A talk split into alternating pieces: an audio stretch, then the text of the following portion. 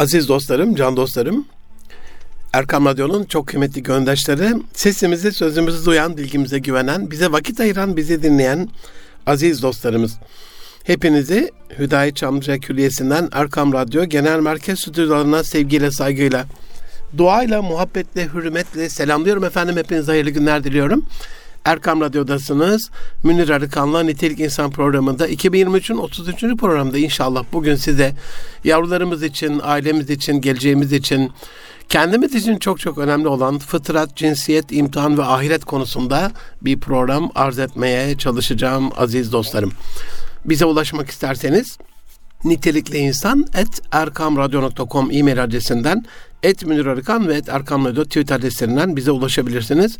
Yeni yayın döneminde Eylül döneminde daha evvel bahsetmiştim biliyorsunuz izzetle alakalı Müslümanın izzetiyle alakalı üzerindeki zilleti atması yeniden özüne dönmesiyle alakalı izzetli hal hareket tavır davranış içerisinde olmasıyla alakalı bir dizi program yapacağımı duyurmuştum ama izzet konusundan sonra işlememizi istediğiniz konular olursa inşallah katkınızı eleştiri, beğeni, şikayet, dilek, istek, temenni başımızın tacıdır beklediğimizi yeniden ifade edeyim. Canlar malumunuz olduğu üzere yaradan Yüce Rabbimiz, ilahımız, Allah'ımız, Mevlamız ilk insan olan, yaratılmışların en üstünü kılınan, Allah'ımızın yeryüzündeki halifesi olan insana secde edilmesini emrettiğinde şeytana, şeytan kibre yenilip büyüklük taslayarak o yüce yaratıcıya, Mevlamıza, ilahımıza, Rabbimize isyan etmişti. Bir anlamda ırkçılık yapıp kendi cinsinin ateşten yaratıldığı için topraktan yaratılan insandan daha üstün olduğunu iddia etmişti. Ve bu lanetlenmiş şeytan insan yüzünden cennetten kovulunca bana din gününe kadar Rabbim izin ver, kıyamete kadar bana mühlet ver diye farklı ayetlerde, farklı ifadelerle bize bildirilir. Rabbimizden izin istemişti ve Rabbimiz de ona izin verdiğinde kıyamet gününe kadar bu sefer şeytan da şüphesiz ben e, bu yarattığın ve kendini halife kıldığın, e, çok şerefli kıldığın, cennette şu anda yaşattığın insanı ve onun ırkını hepsini cehenneme sürükleyeceğim dediğinde Rabbimizin biliyorsunuz cevabını sen benim gerçek inanlarım üstünde herhangi bir güce sahip değilsin. Onlara bir etki edemezsin. İşte sana istediğini o izin ve mühletle verildi diyerek şeytanı cennetten kovmuştu. Can dostlarım bu insanın yaratılma anındaki o alleme Adem'el esma kulle tecellisiyle Adem'e, Hazreti Adem'e eşyanın bütün isimlerini öğrettiğinde, e, esmanın bütün tecellisini onun kalbine nakşettiğinde, bir anlamda onun işletim sistemini ve programlarını yüklediğinde, meleklere bir şey sorduğunda biz senin bize bildirmediğini bilmekten seni tenzih ederiz. Biz bilmiyoruz bunu diye. Adem'e sorduğunda Hazreti Adem bütün cevapları verdiğinde o zaman ona secde edin demişti biliyorsunuz. Bu anı hiç unutmamamız gerekiyor. Yani meleklerin bize secde etmesi Rabbimizin huzurunda Rabbimizin emrine itaat etmesi ve şeytanın e, o melun, o lanetli, o kovulmuş, o taşlanmış şeytanın e, buna isyan etmesi. İşte böylelikle şeytanın bizle alakalı ezeli düşmanlığı başlamış ve buradan dolayı da bizim ayağımızı hak yoldan, hakikatten, hidayetten saptırmayla alakalı mücadelesinde kinlenmiş, karetlenmiş oluyor. Sonrası malumunuz cennetteki yasak ağaçtan ya Rab, Rabbiniz size bundan siz melek olursunuz, ebediyet kazanırsınız diye yemeyin dedi. Bunu yerseniz melek olacaksınız. E, hep cennette kalacaksınız aldatmacası ile. İlk önce Hazreti Havva validemizi ardından Hazreti Adem babamızı kandırarak cennetten yeryüzüne kovulmasına vesile olarak ilk imtihanımızı şeytan karşısında yenik düşerek böylelikle vermiş. Şeytanın da ilk e, o ben onları saptıracağım iddiasını Hazreti Adem ve Havva ile alakalı gerçekleştirmiş oluyordu. Biliyorsunuz yani bu dünyada var olan bütün sapkınlıkların, kötülüklerin ana başlangıç kaynağıdır. Şeytanın vesvesesi kullarından belli bir pay alacağım. Onları mutlaka saptıracağım. Onları boş kuruntulara kaptıracağım. Kesinlikle onlara emredeceğim de hayvanların kulaklarını yaracaklar. Emredeceğim de Allah'ın yarattığını değiştirecekler diyen şeytan davasında elinden geleni ardına koymadan büyük bir çaba içerisinde şeytan uyanlar ise ayet-i kerimede Kur'an-ı Azimüşşan'da buyurulduğu şekliyle iş başına geçti mi yeryüzünde bozgunculuk çıkartmak, ekini ve nesli helak etmek için koşar. Allah ise bozgunluğu sevmez şeklinde tanımlanıyor.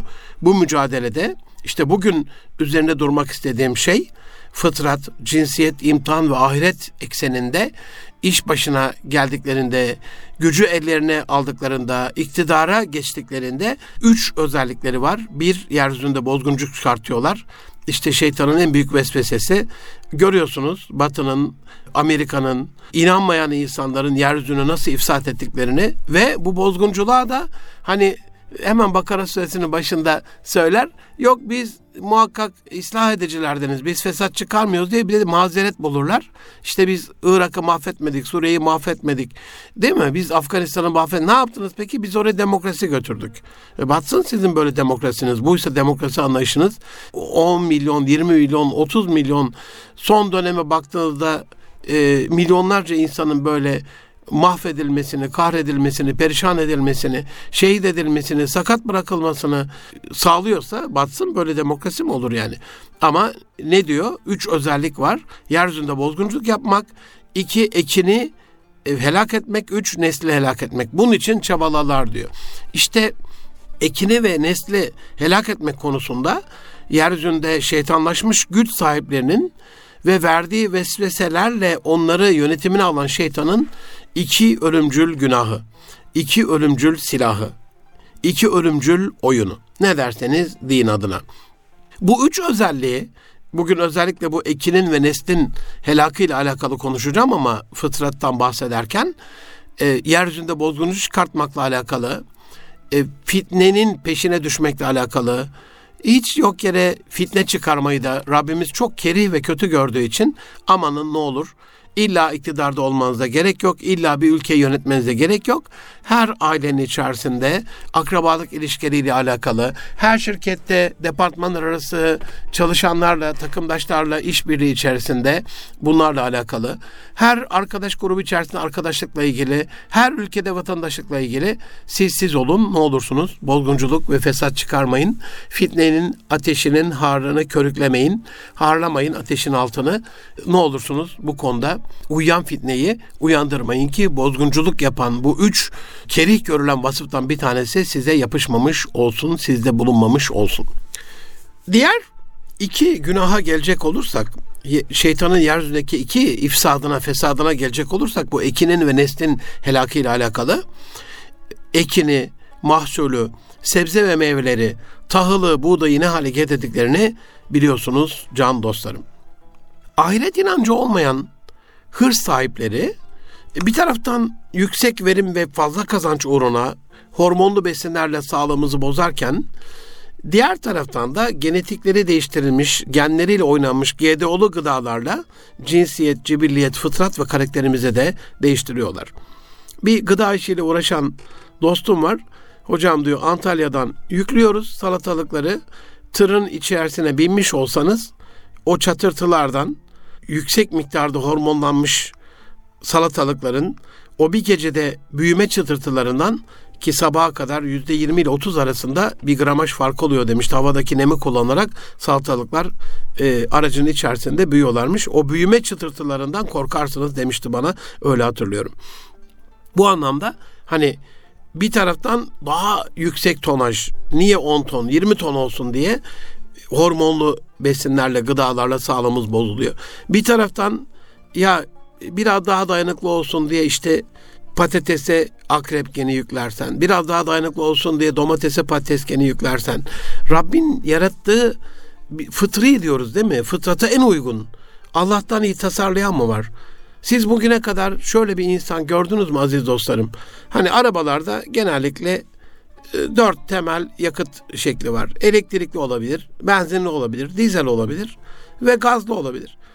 Ya ben bir de buna işte bir şekerli su koyayım, bir deneyeyim, tuzlu su koyayım, deneyeyim diye özel bir karışım yapıp benzin deposuna, benzinin ya da işte dizelin, mazotun içerisine böyle bir karışım yapan birini gördünüz mü? Bir kere yani şeker koysanız motoru mahvediyor. Allah muhafaza. E, tamamen araba pert oluyor. Yani kafaya göre uyduruk kaydırık bir arabada bile ona bir yakıt kullanmayan, belli karışımlar yapmayan insan kendi yakıtıyla alakalı Allah'ın ona lütfettiği, özel bir şekilde tezyin ettiği, çok özel miktarlarla oranlarını ilahi bir güçle tasarladığı o yüce tasarıma karşı kendi kafasına estiği şekliyle bir gıda aranjmanı yapıyor. İşte ölümcül bir günah olsa gerek. İbn Sina yüzyıllar öncesinde gıdalarımız ilaçlarımız olsun, gıdalarınız ilaçlarınız olsun, size ilaç olsun demişti. Şimdi zehir haline getirdiğimiz zehir olan gıdaların yan etkilerinden kurtulmak için ilaç bağımlısı olduk. Bir sürü ilaç içiyoruz, yutuyoruz veya iğne olarak kendimize vuruyoruz. Çinlilerin çok sevdiğim bir cümlesi var. You are what you eat diyorlar. You are what you eat. Ne yiyorsan olsun yani. İslam inancında bazı besinlerin helal bazılarının haram olmasının sebebi bu olsa gerek diye düşünüyorum. Yani insan yediğidir. Vahşi hayvanları avını parçalarak yiyen, leş yiyen, pislik yiyen hayvanları yemiyoruz mesela. İslam inancına göre börtü böcek yemiyoruz, domuz yemiyoruz.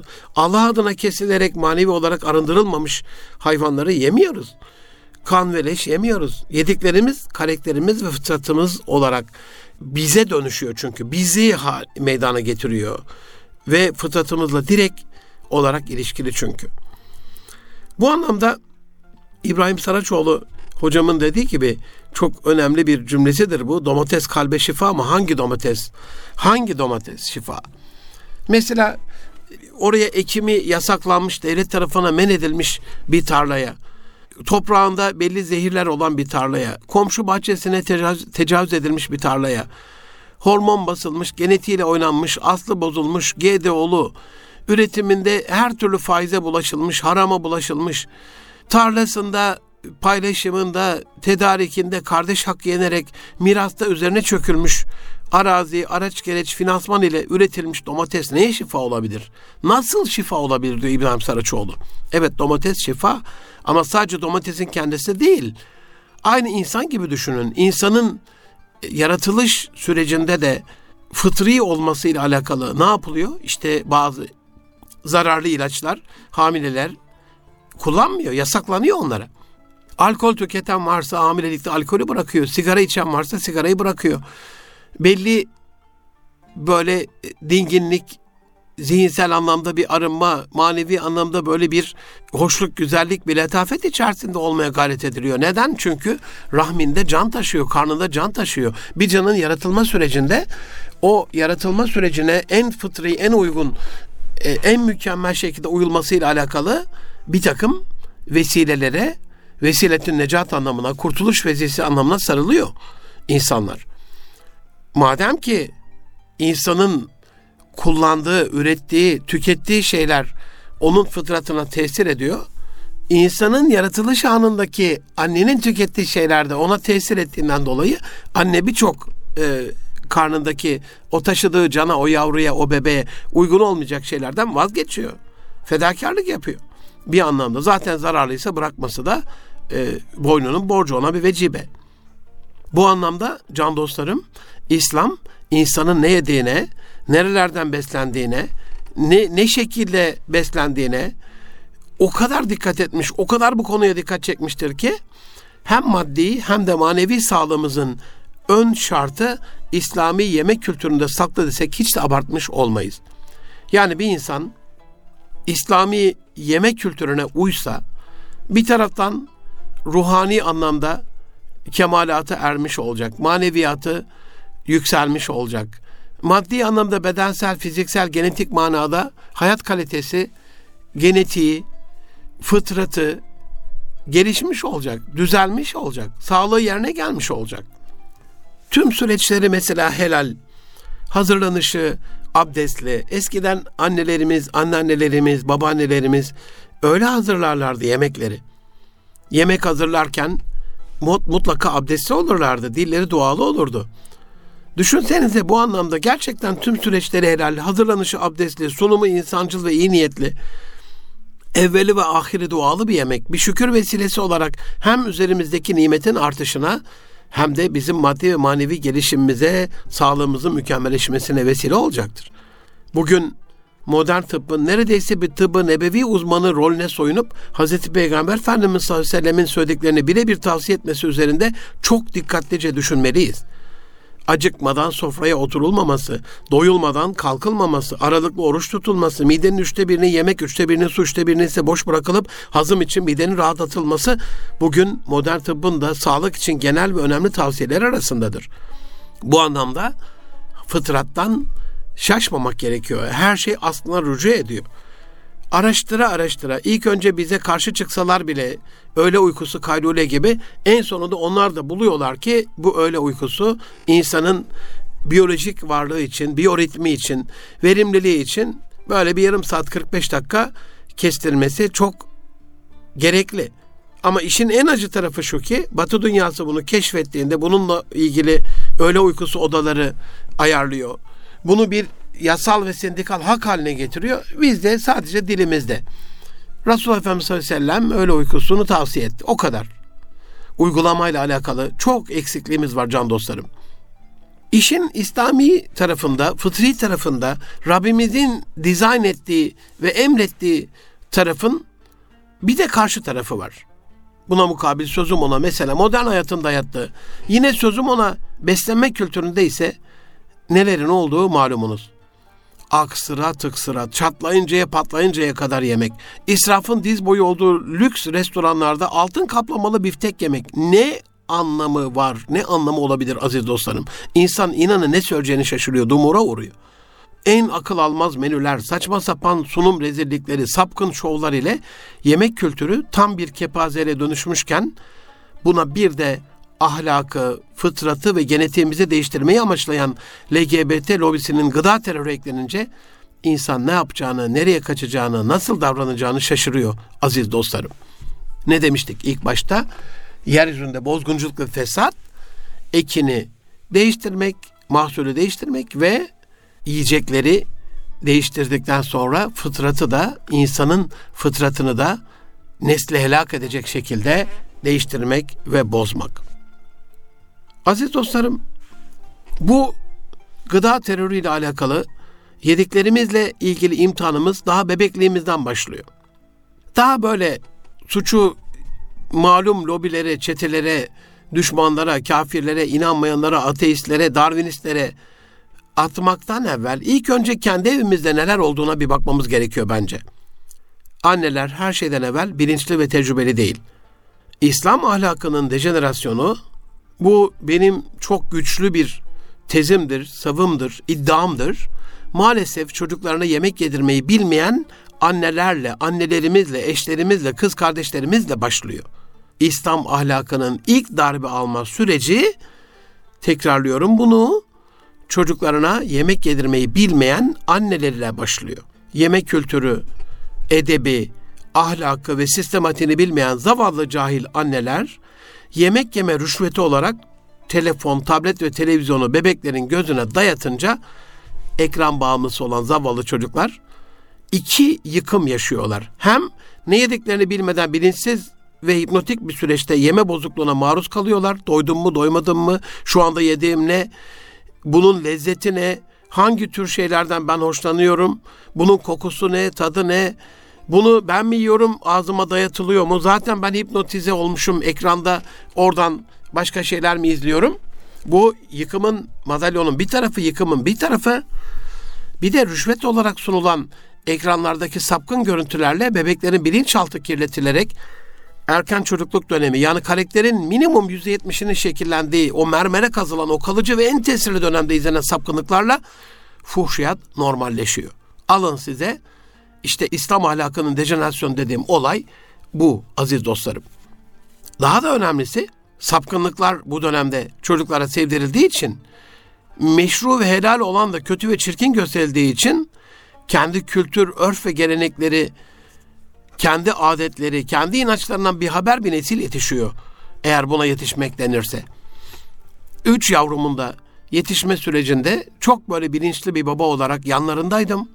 Orada şahit olduğum kadarıyla televizyonlar elhamdülillah bizim evde çocukların büyüme döneminde bir dönem çok minimal ne kadar süre olduğunu hatırlayamıyorum şu anda. Çok Kısa bir süreliğine oldu televizyon. Ondan sonra hiç olmadı. İlk başta zaten evliliğimizin hiç olmadı 10 yıl. Dolayısıyla hani çocuklar o ekran zehirinden zehirlenmeden büyüdüler. Ama bilgisayar diyeceksiniz. Bilgisayarla alakalı da şahit olduğum kadarıyla şu anda da İsmail ve Alya kuzumla alakalı, torunlarımla alakalı bunun şahidiyim. O kadar sapkın, o kadar melanet, o kadar böyle feci ekran terörü var ki bu işin bir yüzü, madalyonun bir yüzü öbür taraftan da zemzem yok, Kabe yok, oruç yok, hac yok, bayram namazı yok, abdest alma yok, seccade yok, zikir yok, Allah yok, peygamber yok, din yok, İslam yok, Kur'an-ı Kerim yok, ezan yok, hiçbir şey yok verilen çizgi filmlerde. Yani bir taraftan hem o fuhşiyatla, sapkınlıklarla bir anlamda ahlakımız mahvedilirken öbür tarafta hani bari biz hani ahlaklandırabiliyor muyuz diye düşünelim. Öbür tarafta kof ve boş bir şekilde meranet bir nesil yetiştiriliyor. Buna nesil denirse. Aziz dostlarım bir taraftan da hani ne demiştim? Bunu unutmayın lütfen. İslam ahlakının dejenerasyonu çocuklara yemek yedirmeyi bilmeyen cahil annelerle başlıyor demiştim ya. Öbür taraftan da anne adayları Hazreti Peygamber Efendimiz sallallahu aleyhi ve süt anneliği ile ilgili tavsiyelerine muhalif şu anda. Süt anneliği müessesesi Cumhuriyet sonrası batıdan devşirilen sözüm ona ilerici, çağdaş, modern değil mi? Neresi modern? İsviçre Medeni Kanunu medeni mi sizce? İsviçre Medeni Kanunu'nda süt anneliği ile alakalı, süt kardeşliği ile alakalı bir kanun maddesi olmadığı için maalesef bizim kendi anne bacı kardeş ve eşlerimiz tarafından da 100 yıldır benimsenmiyor, uygulanmıyor, unutuluyor. Hatta bir taraftan da kerih görülüyor, hor görülüyor. Bir genetik yamadır. Halbuki süt anneliği bebeği onarır, bağışıklığı kuvvetlendirir, anneye rahatlık sağlar. Anne de ya sütüm yetecek mi evhamını bitirir. Annenin psikolojisini düzeltir. Toplumsal kaynaşma sağlar. Bir annesi daha olur çocuğun. Bir annesi daha olur. Üç anne süt annesidir. Bir de kendi annesi, dört annesi vardır Hazreti Peygamber sallallahu aleyhi ve sellemin.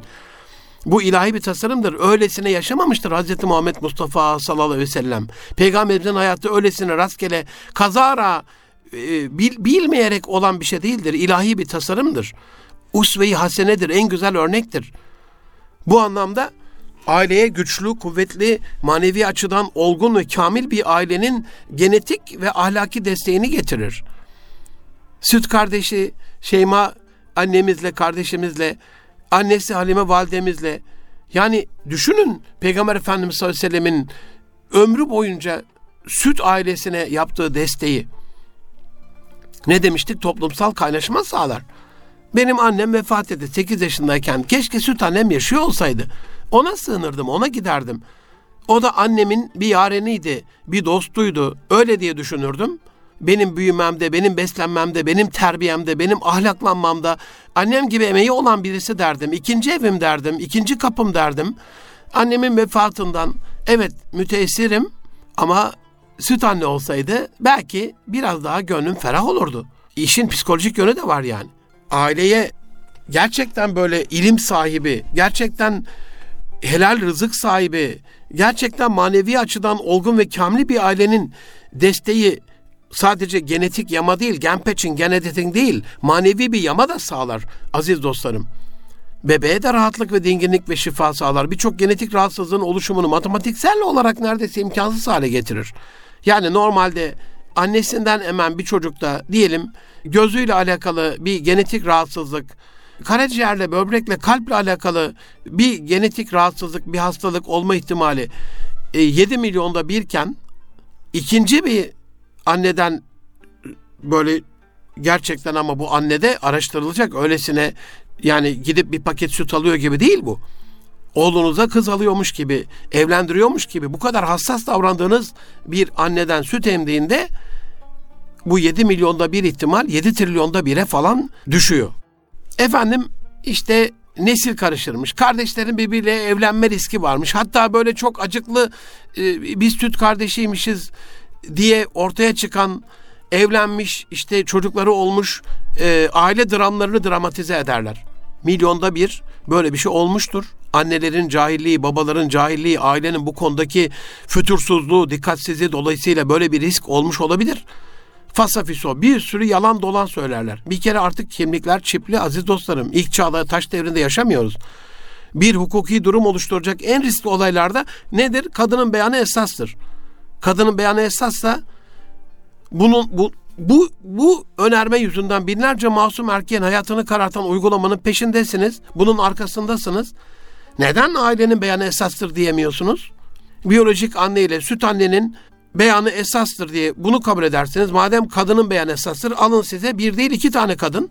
Biz bu çocuğun annesiyiz diyorlar. Süt anneli uygulamasını çipli kimle işleyin işte. Tamam sizin şu andaki tercüme kanunlarınıza da uygun. Kadının beyanı esasla buyurun iki tane kadın size. Bir değil iki kadın.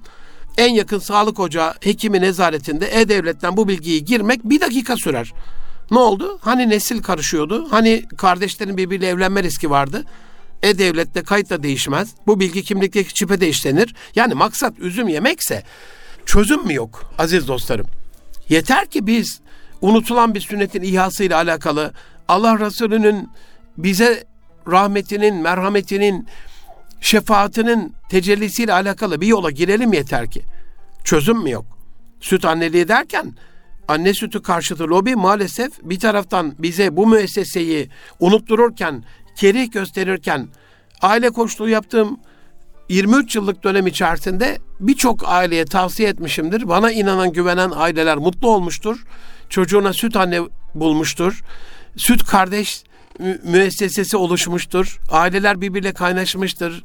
Çocuğun e, hastalıklı bir dönemdeki gen yamasıyla sağlığı düzelmiştir. Buna çok kez, çok kez şahit olmuşumdur.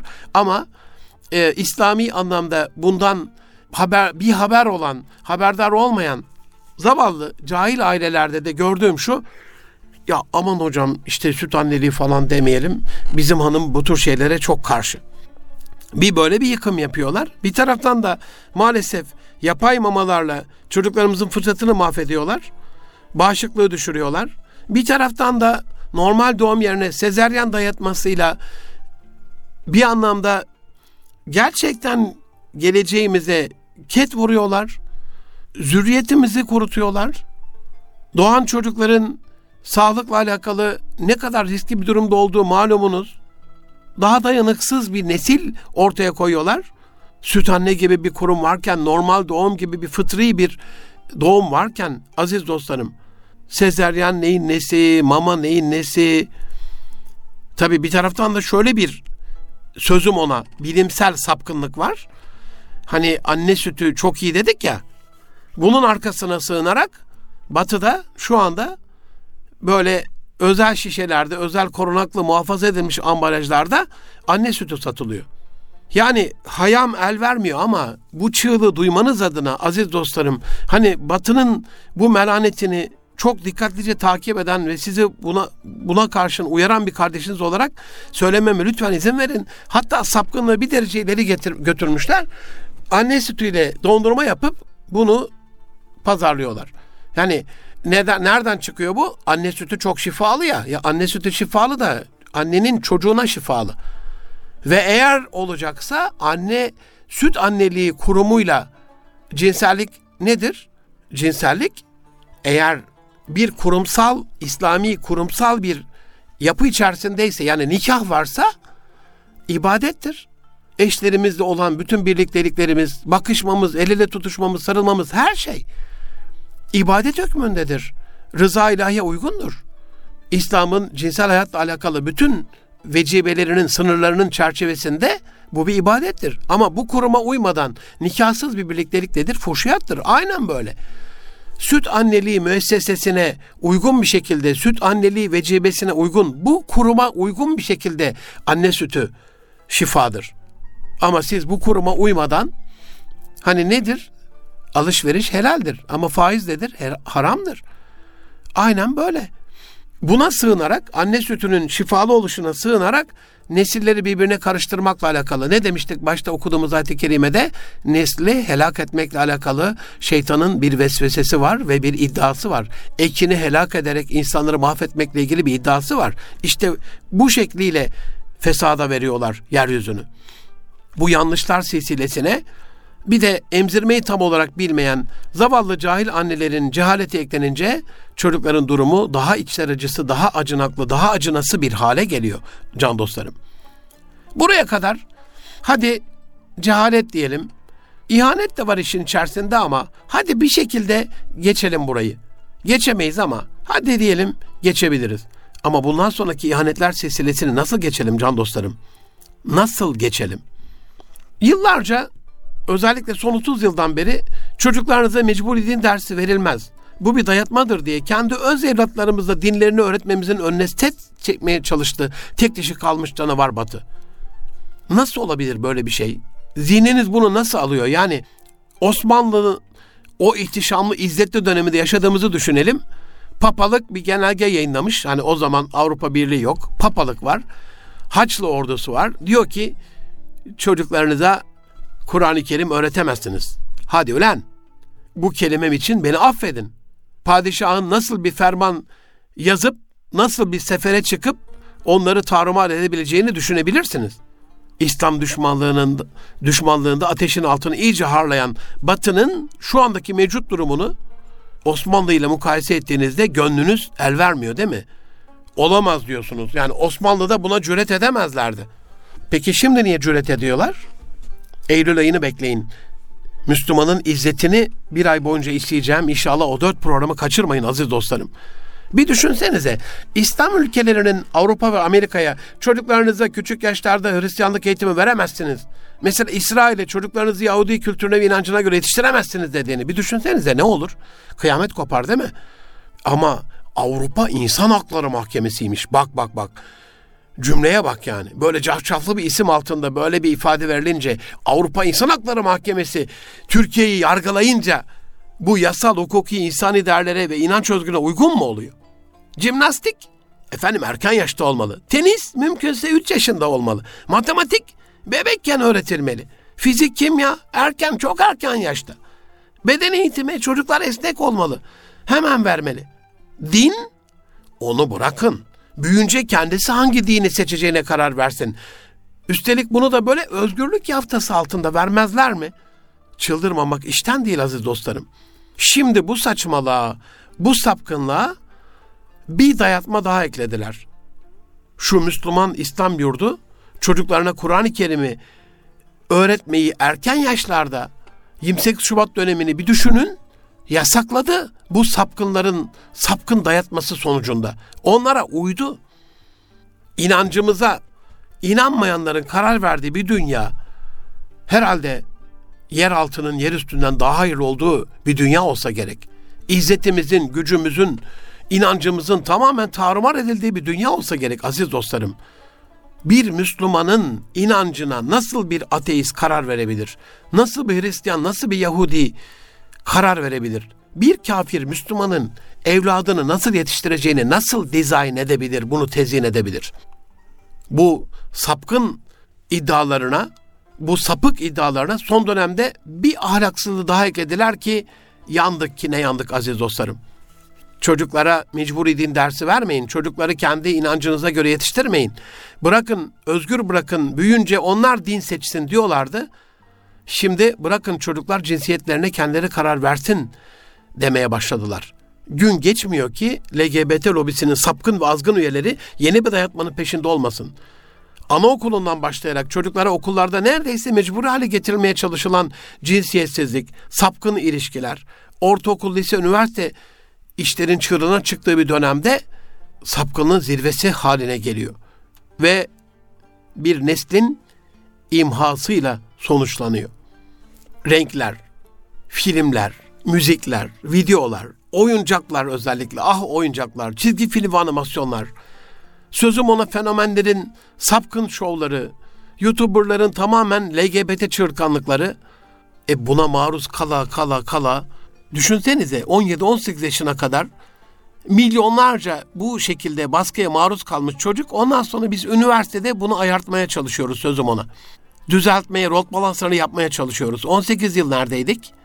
Bunu 10 yıl öncesinde gizli gizli yapıyorlardı. Bu çizgi film animasyonlarda, videolarda, oyuncaklarda, müziklerde, filmlerde Şimdi Disney başkanı çıktı. Çocuk çizgi filmlerinde ve diğer filmlerde daha fazla LGBT karakteri olacak.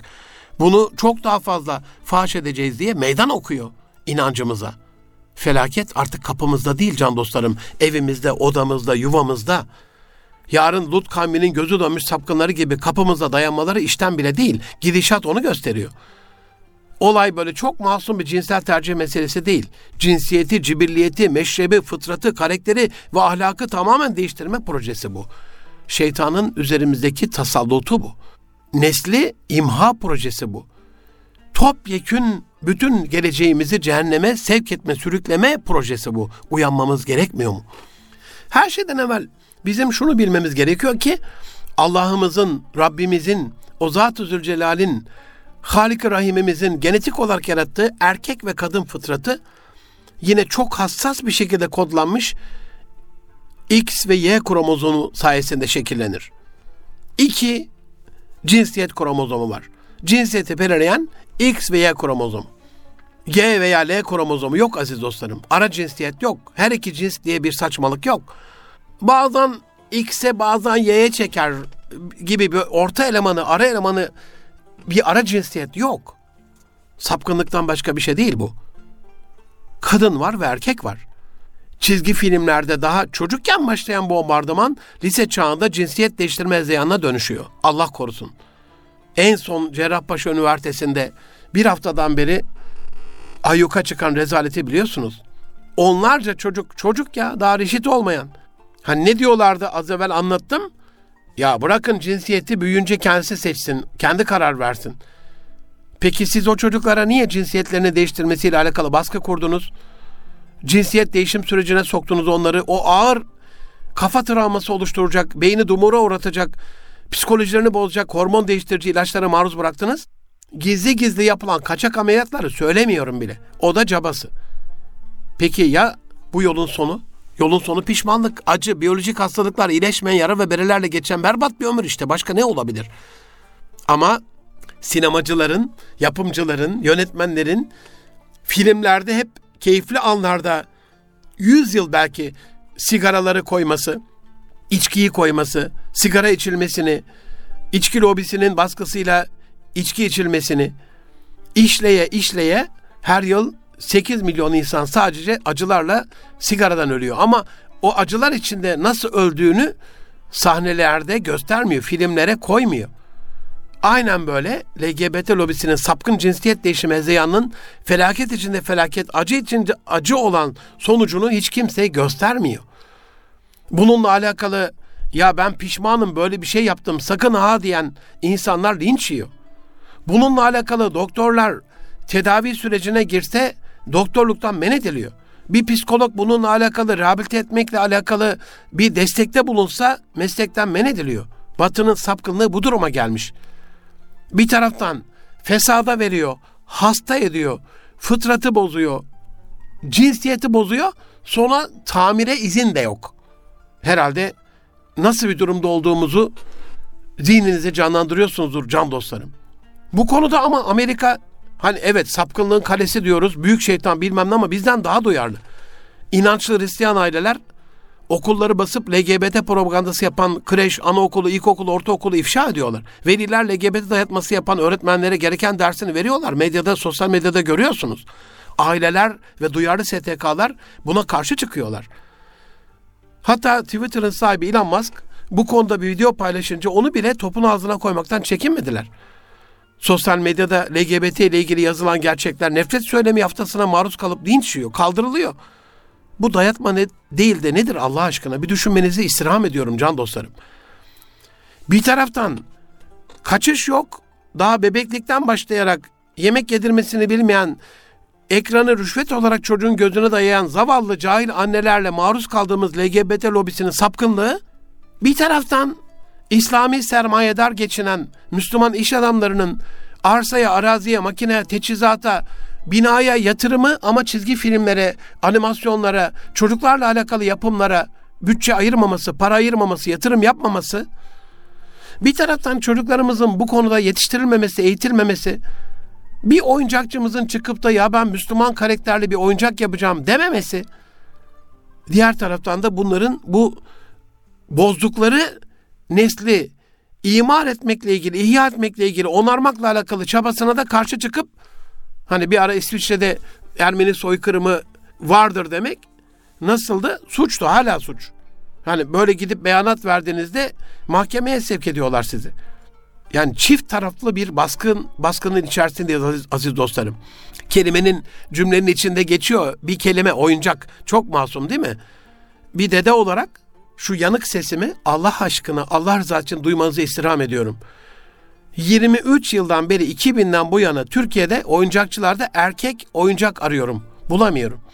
Buluyorsanız radyomuzu arayın lütfen.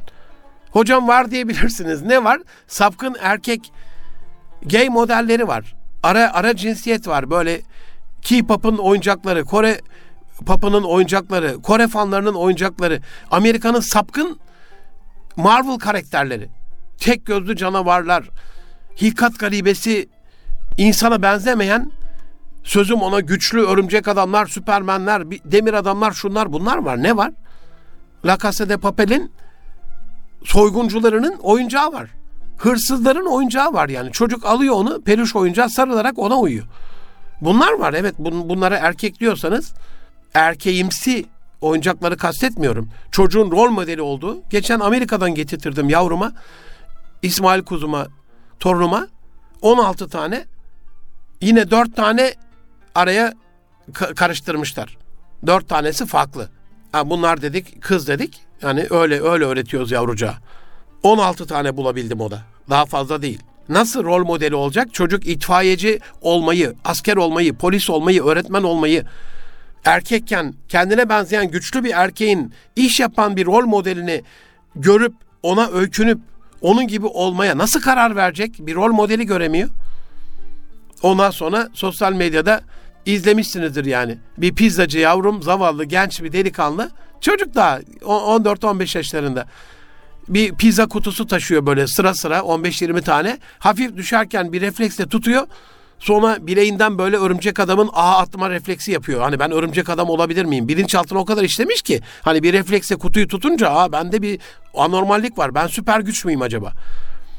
Nerede İslam tarihinin üsve-i hasene peygamberleri, gökteki yıldızlar dediği sahabeleri, kadim Türk İslam coğrafyasındaki büyük kahramanları, rol modelleri nerede? Buradan tekrar fıtrata dönersek bebek fıtratı anne karnında şekilleniyor. Anne karnında bebeğin cinsiyeti gebeliğin başında belli. Ama cinsel organ gelişimi 8. haftaya kadar hani tüm cinsiyetler aynı olduğu için orada hormonal bir değişiklik olmaya başlıyor. Bir molekül değişince östrojen bir fazla karbon geldiğinde testosteron oluyor. Erkeklik hormonu. Ve üretilen bu hormonların etkisiyle erkek bebek erkek yönünde, kız bebek dişi yönünde gelişmeye başlıyor. Ve bebeğin cinsel organı 12. haftada ultrasonda teşhis edilir bir şekilde farklılaşmaya başlıyor aziz dostlarım. Bu dönemde annenin içeride fıtratın oluştuğu dönemde hem fiziksel hem hormonal hem zihinsel hem manevi hem ruhsal her açıdan kendine çok dikkat etmesi gerekiyor. Hani dede goruk yese torunun dişi kamaşır diyen atalarımıza kulak verdiğimizde bunu anlarız. Anne şarap içerse çocuğun sarhoş olmaması mümkün mü o, adı, o anlamda? Manevi açıdan düşünmemiz lazım. Maddi olarak da etkilenir ama hani manevi gelişim maddi gelişim kadar önemli.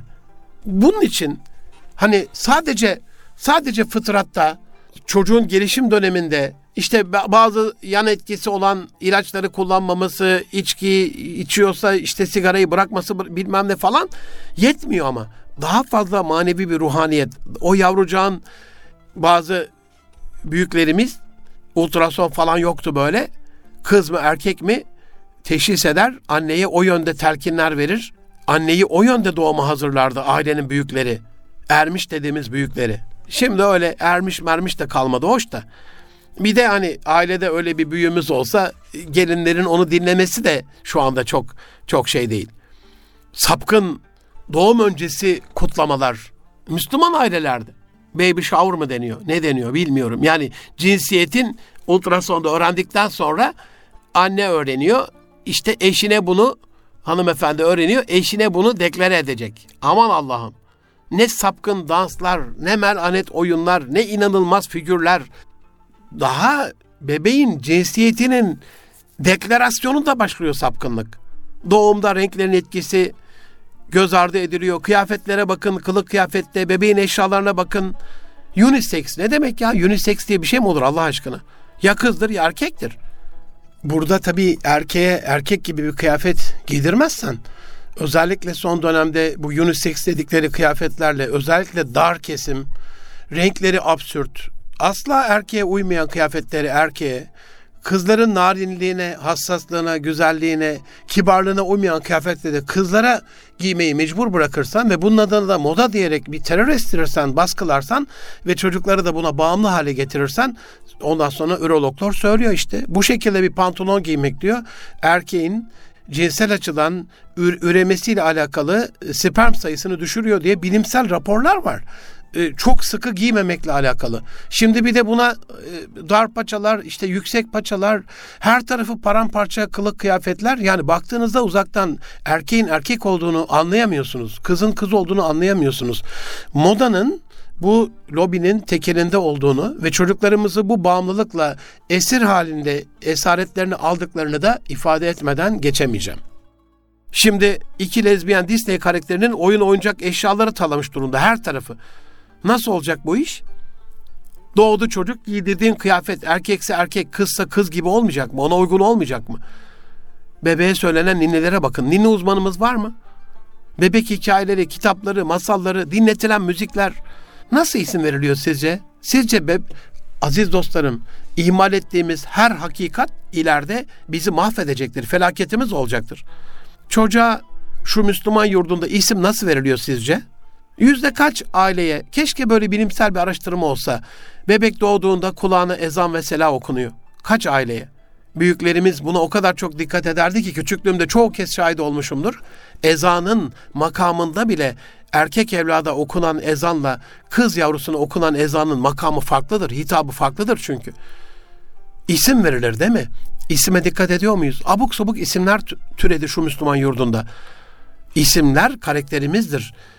40 defa deli dersen deli olur. Ortaya karışık isimler, cinsiyetten mef, cinsiyet mefhumundan uzak hitaplar, sonra davranışlar kız gibi, erkek gibi, erkeğimsi, kızımsı, kadınımsı, erkeğimsi, ortaya karışık unisex davranışlar. Erkeğin güç, kuvvet ve dayanıklılık sürecinde eğitimi şart. Kızların da daha narin ve nazik yetiştirilmesi. Şimdi ne oluyor? Neyimiz eksik, neyi yapamayız, her şeyi yapacağız diye zavallı hanımefendileri yollarda perme perişan hale getiriyorlar. Erkekler de ofiste ellerinde elektronik kelepçe bilgisayar uzmanı olmuşlar. Bu mudur? Yetişme sürecine bakıyoruz. Okulda oynadıkları oyunlar oyun değil. Ne, ne tür oyunlar oynanıyor sizce? Bakıyor musunuz? Bu konuda çocuk oyunlarıyla alakalı kafa yoran bir uzmanımız var mı? Erkek adam at binmezse, kılıç kuşanmazsa, ava çıkmazsa, koşmazsa, yüzmezse, güç ve dayanıklık arz eden işler ve uğraşlar peşinde olmazsa Aynı okulda, aynı sınıfta 12 yıl kızlarla beraber aynı hitaplara maruz kalarak aynı ödevleri yapar, aynı oyunlar oynar, aynı projeleri, görevleri üstlenirse nasıl bir cinsiyet gelişimi, erkeksilik bekliyorsunuz çocuklardan?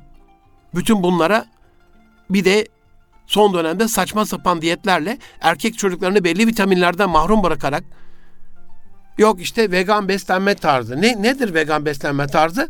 Efendim biz işte hayvansal gıda yemiyoruz. Arkadaş Allah yaratmış onu. insan için yaratmış. İşte biz acıyoruz. Çok merhametliyiz. E, maydanoza niye acımıyorsunuz o zaman? Onu da kesiyorsunuz.